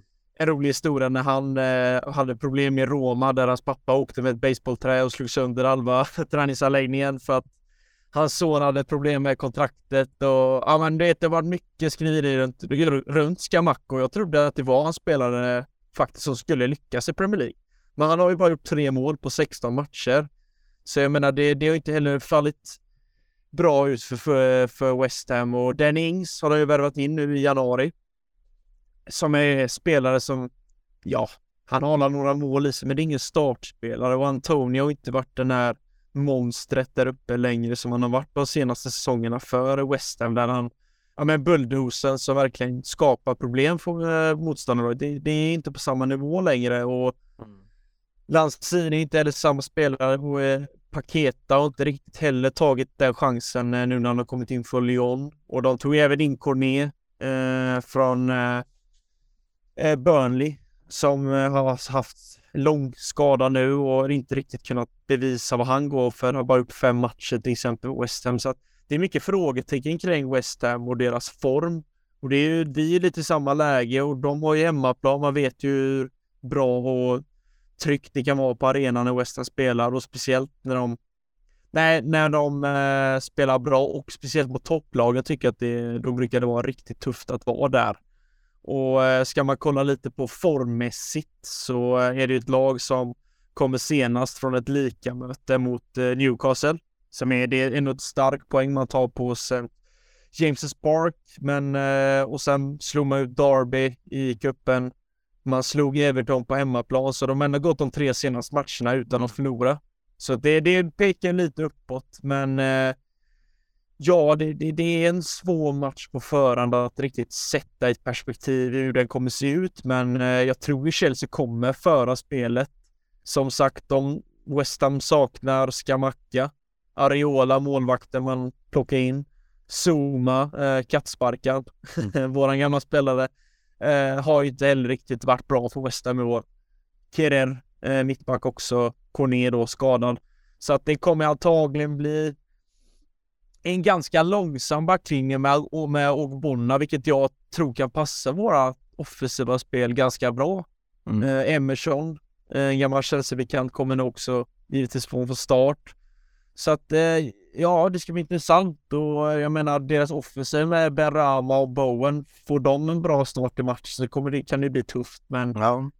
det känns på förhand som att den här matchen mot West Ham var länge sedan jag kände ändå att West Ham är inte så tuffa på förhand som de har varit tidigare för eh, ja, det är ett svårt lag att känna igen för att det är mycket spelare som underpresterar. Precis som Chelsea. Ja men verkligen och jag, jag vill nästan bara stanna där vid de här offensiva spelarna för alltså om vi ska kolla, de är faktiskt tredje sämst i ligan då på antal gjorda mål på, på 18. Mm. Eh, där de sticker ut då, det är ju just där att de inte gör mål för att eh, försvaret sitter ju, vill man ju ändå säga. Alltså sitter och sitter, men alltså den, den, alltså den är ju värre i United. Där har de 28 insläppta mål medan West Ham bara har 26 insläppta mål denna säsongen hittills.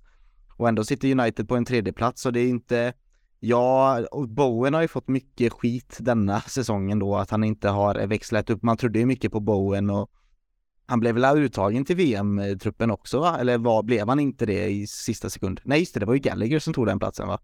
Ehm, så nej men eh, Bowen var ju jättehypad liksom förra året och han, eller förra säsongen. Verkligen en spelare som underpresterat och Antonio har väl varit lite skadad, nu är han tillbaka. Eh, men ja, det är offensivt, det ser lite krassligt ut. Ja, och sen har han ju förlorat 12 av 21 matcher i år så att det, det har inte fallit ut på ett bra sätt alls för West Ham. Och som sagt, värvningen har inte riktigt eh, heller lyckats på något vis och Paketa trodde jag verkligen skulle vara en spelare som skulle lyfta West Ham till en ny nivå egentligen. För jag tycker att på förhand inför säsongen så hade de ju ett bra lag där de egentligen fyllde på med spelare som jag tyckte var rätt på förhand. Jag menar, Corné plockade mig billigt från Burnley som åkte ur. Men det är en spelare som ändå varit bra och spelat i franska ligan. Mm. Så jag menar, man plockar lite här och där, ändå smarta Värska Macka också ett bra val, en italienare som ändå varit startspelare i italienska landslaget och gjort det bra i Sassuolo. Så jag menar, de har ju bra spelare på pappret, men sen har de inte fått ut det på planen och Zuma när han kom förra säsongen eh, så var han ju bra i West Ham tror jag. Nu har han inte varit bra. Så eh, ja, det blir, det blir intressant att se hur eh, Chelsea kommer ta oss an West Ham. Jag, jag tror vi kommer styra spelet, men eh, kommer West Ham ligga lågt så får vi egentligen samma problem som det blev mot Fulham. Att mm. vi måste hitta ytorna och eh, med, med den speeden vi har där framme så tycker jag att vi borde lösa det här. Men vi har sagt det så många gånger denna säsongen att nu tar vi den här matchen. Uh, nu är vi så taggade och jag kan inte vänta längre till matchen. Ja, nu, nu har Potter fått en till vecka med laget. Mm. Ja, och så sitter vi där Ja. Klockan tre på lördagen när man har lagt in stryktipskupongen och är ganska besviken tack vare att man återigen tappar poäng. Men så ska det inte vara. Vi ska ja. ta tre poäng och jag tycker att detta är läget vi har nu. Så ser jag det är så svårt att vi ska återigen tappa. Jag, ja. Nej, det, det får inte hända alltså. Men det är spännande, alltså de är ju, Premier League är ju, fan vilken liga detta är och liksom att både se Everton och West Ham där nere är ju, ja det, det säger bara en hel del om nivån på ligan, eh, måste jag ändå säga. Och det är få förutsägelser som jag hade innan när jag skulle göra mina predictions inför Premier League då, jag tror om vi gjorde det i podden eller inte, men vi vi pratade med, vi kanske vi trodde skulle åka ut och sådär och då hade jag ju Southampton som, ja men de tror jag kommer ha det tufft och det är väl det enda jag har haft rätt eh, med, alltså resten har jag haft fel med. Jag trodde Skamacka skulle vara liksom en av årets spelare och han har ju väldigt underpresterat eh, något totalt i, i laget och en annan spelare som jag jag väljer ändå att kolla West Ham då och då på grund av att se Declan Rice spela fotboll. Eh, där är det ju väldigt intressant med, med hans situation. Det har ju ryktats om både Arsenal och, och till oss här. Vad, har du några, vad, har du, vad är dina färska liksom, insikter kring Declan Rice, Linus? Ja, alltså Rice är ju en spelare jag är väldigt betuttad i tack vare att han just har varit i Chelsea och den här connection han har med Mount och Chilwell och hela det gänget, att han eh, det känns ju som att han vill lämna snart. Jag menar som Moise har sagt eh, i tidigare intervjuer att det blir för en stor summa. Det vet man ju. Att eh, det blir ju en högre summa än vad Enzo Fernandes tror jag. Och det där är ju frågan om om man väljer Arsenal eller inte. Det är, jag menar Arsenal är ju på en helt annan eh, bana. De är ju på rätt väg just nu. Chelsea är ju lite ingenmansland i både ligan och lite utanför. Vart, vart kommer det här ta vägen? Kommer vi lyckas eller? Det tror jag och hoppas på verkligen, men eh, sen om man väljer att eh, spela Arteta-fotboll eller Potter-fotboll, det, det är upp till han själv, men jag tror inte han är kvar där i sommar om West Ham fortsätter som de gör nu. Nej. Visst eh, Fredrik var det lite kul det här när eh, man hörde Enzo Fernandes flörta lite med Declan Rice när han sa att han jag gillar att titta på Declan Rice, jag gillar hur han spelar fotboll, jag tittar på honom ofta för att lära mig mer om den engelska ligan och den positionen. Det var ändå lite en sån här, kom gärna till Chelsea, jag vill gärna spela med dig. Ja, det var lite intressant. Eh, å andra sidan så eh, sa han det i en eh, intervju inför, in, inför VM tror jag, så det var ju innan han visste att, att han eh, själv skulle spela i Chelsea, men ja, citatet som sa var ju, var ju helt klart intressant eh, i alla fall. Eh, och personligen så tror jag att ges han valet mellan Chelsea och Arsenal så, så tror jag ändå att, att han väljer oss just med tanke på de emotionella banden som han trots allt har uttryckt för uh, Chelsea. Mm. Uh, så nu har jag jinxat den värvningen också. Men jag, jag, jag, jag, tror att vi löser honom uh, faktiskt. Mm. Eller så uh, går, vi, går vi för en annan av den uh, profilen. Uh, Moises Caicedo till exempel. Att vi gör ett nytt försök. Mm. Det hade varit väldigt bisarrt att lägga 2,5 miljard på två mittfältare på två fönster, men det är de tiderna vi lever i. Eh, och, ja. ja. Bonnier har visat att ingenting är omöjligt och eh, hade dessutom uttalat sig nu att det här är bara början. Så ja, vi får se. Ja, skrämmande för de andra lagen hoppas jag. Ehm, men ja, vi har alltså vunnit de senaste fyra av de fem senaste matcherna, sa jag det här rätt nu? Vi har vunnit fyra av de fem senaste matcherna mot eh, West Ham i Premier League och förlorat en då. Eh, vinner vi nu så kommer vi vinna alltså tre i rad sen första gången sen april 2011. Så det är 12 år sedan det där. Eh, ja, tankar inför matchen om vi börjar med liksom vad, vad vi förväntar oss. Du var inne på det lite Linus att eh, den är lite oviss den här matchen med tanke på att det är lag, två lag då som bevisligen har svårt att göra mål. Finns det risk för att det blir en ganska trött eh, match som blir lite långsam och missade lägen, men eh, ja, har du någon eh, har du någon känsla hur matchen kommer spelas och kanske framförallt vilka som eh, kommer ställas eh, på plan då eh, från det blå hållet? Ja, alltså jag hoppas ju verkligen att vi börjar ta vara på lägen att den sitter i mål, men eh, om vi ska kolla lite på startelvan så tror jag att det blir liksom Kepa, Reece James, Silva, Badiashile, eh, Kokoreya fortsätter. Sen blir det nog ett 4-3-3. Det blir Mount, Enzo. Ja, eh, blir det Kovacic? Jag vet inte. Jag hoppas. Eh, trean där framme. Jag vill ha Joao Felix längst upp, eh, Mydrik och så varför inte testa Madueke en sån här match? Mm. Eh, jag menar det, det är mot en ganska formsvag eh, Sofal på högerbacken som har sett ganska seg ut denna säsongen. Så jag menar kan han irritera honom hela en hel match så kan vi nog utnyttja det ganska rejält. Och spela Ogbonna där bak så tror jag att både Midrik och Carl Felix kan ha ganska roligt också. Så jag tror att eh, vi kommer nog starta med den 4-3 som jag nämnde precis och att vi kommer styra spelet som ganska ofta. Tyvärr blir det nog mycket bollrullning fram och tillbaka och West Ham kör nog på det klassiska kontringsspelet. Men eh, ja, kan vi, kan vi luckra upp dem?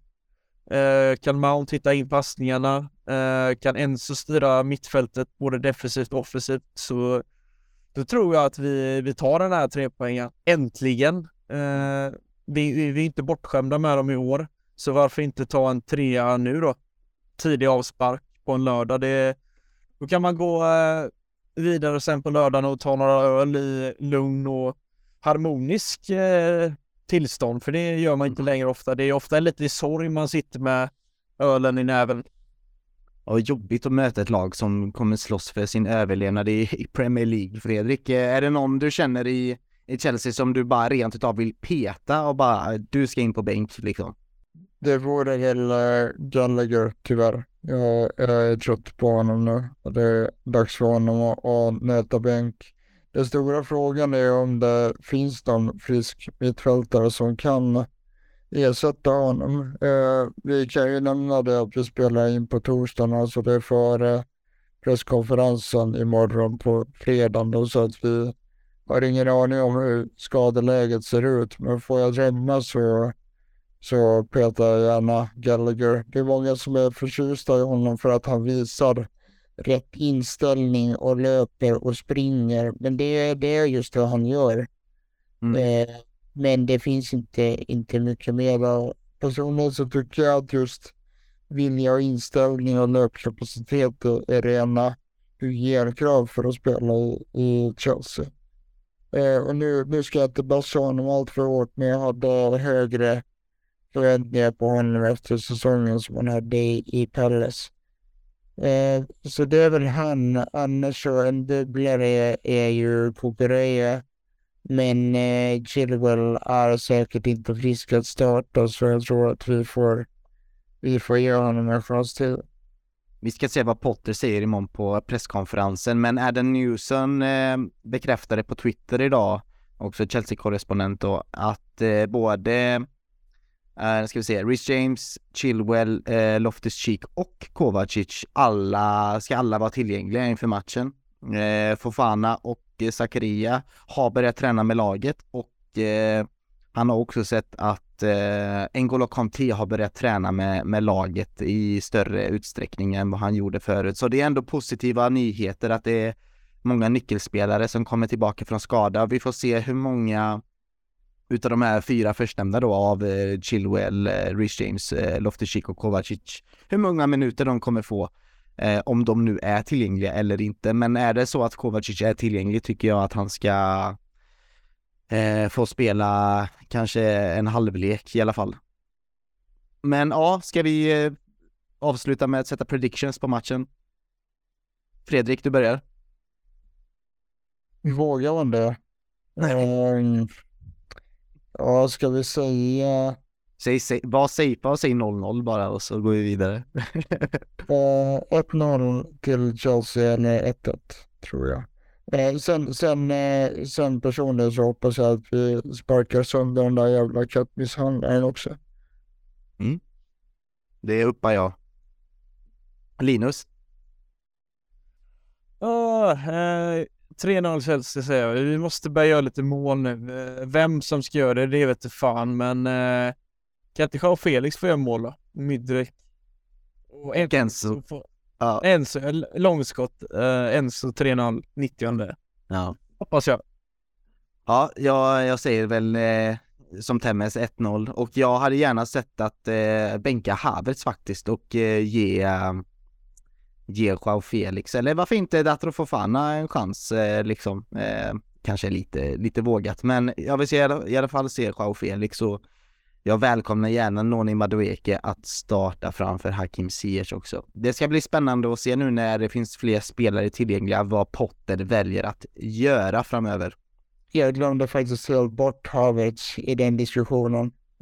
så det, det är klart att han är också en het eh, kandidat för mig. Men eh, återigen så vi har ju begränsat med alternativ nu när, när eh, eh, Aubameyangs status är eh, osäker, eh, för att uttrycka det milt. Så vi, vi får väl se, men eh, jag tror också att eh, och Felix kan göra ett, ett bra jobb där. Om inte annat så kan han ju kanske hjälpa Havertz att eh, komma upp i nivå för under en timme när han spelade så såg jag, eh, tyckte jag faktiskt att eh, Havertz såg bättre ut. Men det är väl huvudsakligen önsketänkande från mitt håll. Men eh, oavsett så måste eh, Joa spela. Jag håller med. Han ser pigg ut på träningarna och han är väldigt aktiv och det, ser, det känns som att han längtar till att, spela, att den här avstängningen har varit, har varit jobbig för honom. Men eh, en annan spelare som jag glömt av, det är ju Modric kanske. Eh, vi hoppas väl på att han är frisk denna gången och att han får spela. Vi kanske inte pratar om det tillräckligt att han, konstigt valde av Potter att spela honom om man då visste att han var förkyld. Eh, vill jag bara få det sagt, men jag hoppas att han eh, känner sig mer frisk. Men eh, kära lyssnare, det var allt vi hade tid för idag. Eh, tack Fredrik för att eh, du kunde vara med och tack Linus, vilken jävla bra trio vi är. Verkligen, det, det blir bra diskussioner och bra dynamik som alltid så att eh, det känns som att man kan eh, gå på helg snart med en skön känsla och äntligen fått prata av sig lite för vid middagsbordet så är inte Chelsea det hetaste ämnet bland mina föräldrar. Jag är glad att jag har er för min fru orkar Mm. inte med, med, med Chelsea längre. Fredrik, eh, tack också för att du var med. Ja, men tack själva. Eh, jag instämmer helt i det att det blir bra diskussioner i den här trion. Det blir, blir väldigt långa diskussioner också. Mm. Eh, ännu, ännu ett långt eh, avsnitt. Men eh, de här inspelningarna är lite som, eh, eh som eh, ett terapipass kan man säga. Så att det alltid är skönt att få prata av sig lite och förhoppningsvis så ser vi bättre tider i SW6 snart. Verkligen, och det märker vi också hos lyssnare. Lyssnarantalet ökar eh, nästan alltså successivt för varje avsnitt. Det är jättekul att se. Någonting har hänt som gör att ni sprider ordet om denna podden eh, till eh, era nära och kära och framförallt till nya Chelsea-vänner ni får ute i Sverige. Så fortsätt med det. Och gå gärna med i eh, CSS-podden-gruppen på Facebook där eh, vi har matchtrådar. Vi snackar om avsnitten, vi snackar ner avsnitten också och eh, vi lyfter upp feedback, önskemål och så vidare om podden och eh, det gör vi numera också i vår eh, Discord-grupp. Har ni gått med i den killar förresten? Inte jag. Jag ska lösa det men eh, ja, jag har varit lite dålig på det. Ja, Fredrik, är du? Jag har faktiskt inte heller med det än. Eh, Discord är inte min favoritplattform men jag ska, jag ska definitivt eh, ordna det. Eh, jag är inte som eh, vår eh, kära host Jakob som vägrar skaffa Twitter eh, år efter år. Eh, utan jag, jag har Discord och kommer gå med här i dagarna. Mm. Ja, vad bra. Det sker jättebra diskussioner där man får reda på det senaste nytt verkligen ganska direkt faktiskt. Jag kollar inte väldigt mycket Twitter nu där utan jag kollar mer i gruppen för att få all eh, feed där, vilket är väldigt häftigt och få det löst. Hörni, var med också i nästa avsnitt. Då kommer vi att spela in med Kevin Bader från eh, Fotbollskanalen där vi ska ha, han är alltså Tysklands expert då och vi ska ju möta Borussia Dortmund i Champions League nästa vecka. Eh, så det blir ett gött uppsnack med Kevin Bader så det avsnittet kommer väl förmodligen ut i slutet av helgen, kanske i början på veckan där någon gång. Så håll ögonen öppna för det avsnittet. Eh, nu hoppas vi på tre poäng mot eh, West Ham äntligen. Jag vill bara ha in tre poäng och inget annat. Eh, stort tack för att ni har lyssnat och glöm inte att gå in på vår svenska fans också, där ni kan ta del av matchrapporter, analyser och krönikor. Där jag kan eh, Ja, men jag kan tipsa om Olle Langes, jag brukar ju tipsa om Olle Langes texter börjar jag märka här, men han skrev en bra text om eh, Mason Mount där som också var lite av anledningen varför jag tog upp eh, det här i, eller det ämnet, det här hatet han har fått då. Jag tog upp det i podden här, så tack Olle för ditt arbete och tack till er också som ni jobbar i redaktionen, Linus och Fredrik och tack återigen för att du har lyssnat. Keep the blue flag flying high.